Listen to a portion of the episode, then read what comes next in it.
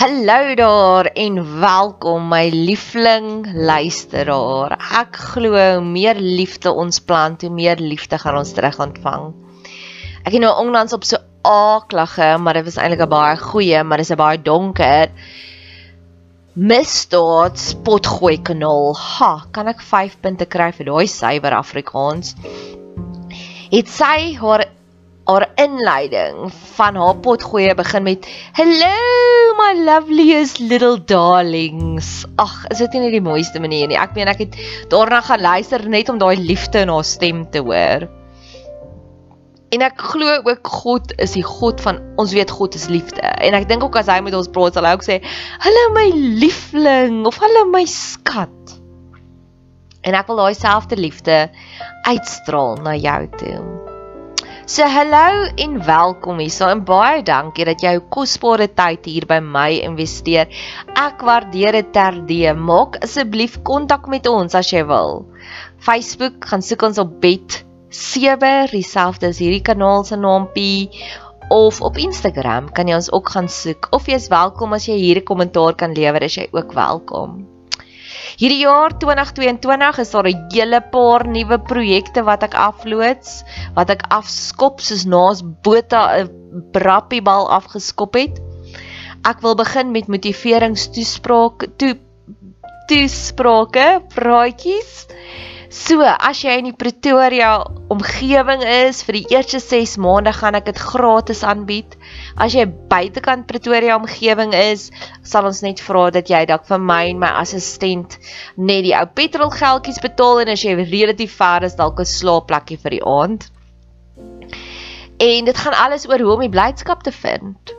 So maak kontak met my. Dalk is dit vir jou en vir vyf vriendinne van jou. Dalk is dit vir jou volgende verjaarsdag wat jy iets bietjie diepers wil deel met jou vriendinne. Dalk moet jy 'n vroue oggendreël.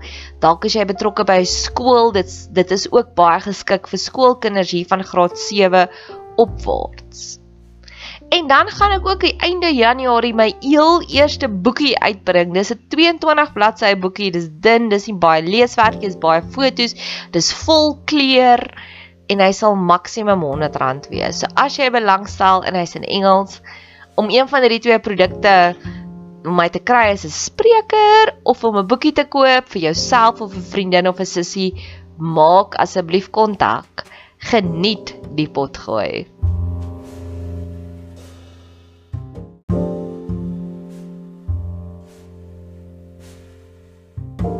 Genesis 10. So hier staan ons met nog 'n geslagsregister.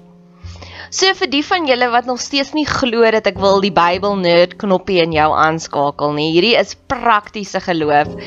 Ek gaan jou nou weer reg bewys want hierdie is 'n lekker Bybel nerd um boodskapie.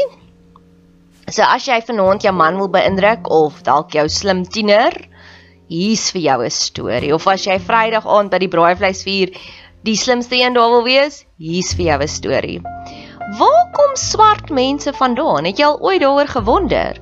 As almal uit Adam en Eva uitgekom het of later uit almal uit Noag uitgekom, hoekom lyk ons so verskillend? So die die geslagsregister in Genesis 10 gaan oor die verhaal van Sem, Gam en Jafet.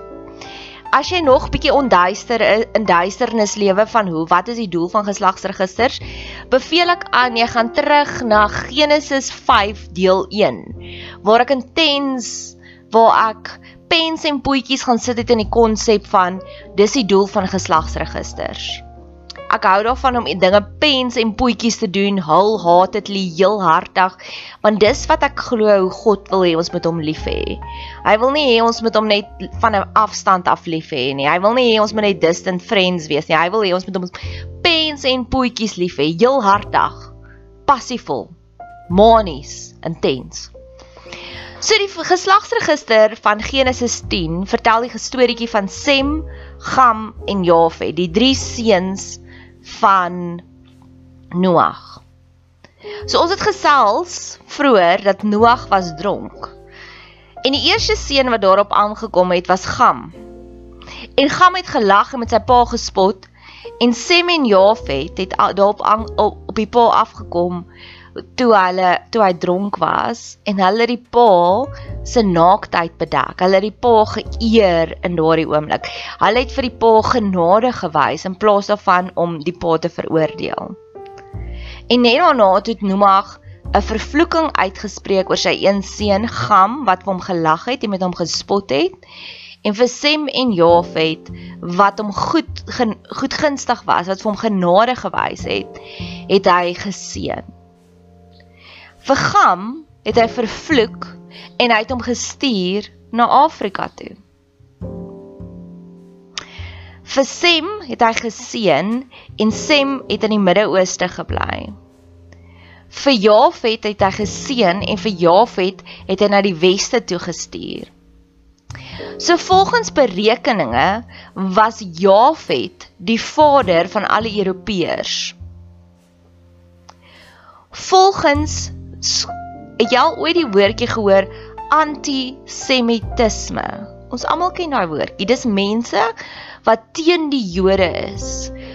En God sê later vir Abraham, almal wat jou seën sal ek seën, almal wat jou vervloek sal jy ek vervloek. En kyk bietjie wat gaan in die nuus aan. Die mense wat saam met die Jode staan, met hulle gaan dit goed. Net so kantnota. So Sem was die vader van al die Jode. En Gam, die vervloekte een, was na Afrika toe gestuur. En ek glo Gam was die vader van al die Afrika inboorlinge. Hoekom was daar verskille? ek glo ek het 'n bietjie navorsing daaroor gedoen dat Adam en Eva en later Noag ook. Onthou hulle het baie oud geword, almal van hulle. Hulle het ja 900 jaar oud geword. So hulle het nog die perfekte suiwer DNA in hulle gehad. En die perfekte suiwer DNA het 'n het 'n funksie in dit ingehaat wat kon mini klein evolusies weerstaan of uitvoer, ekskuus. Klein. Ek sê nie ons kom van ape af nie. Maar ek glo daardie smart DNA het hulle in staat gestel.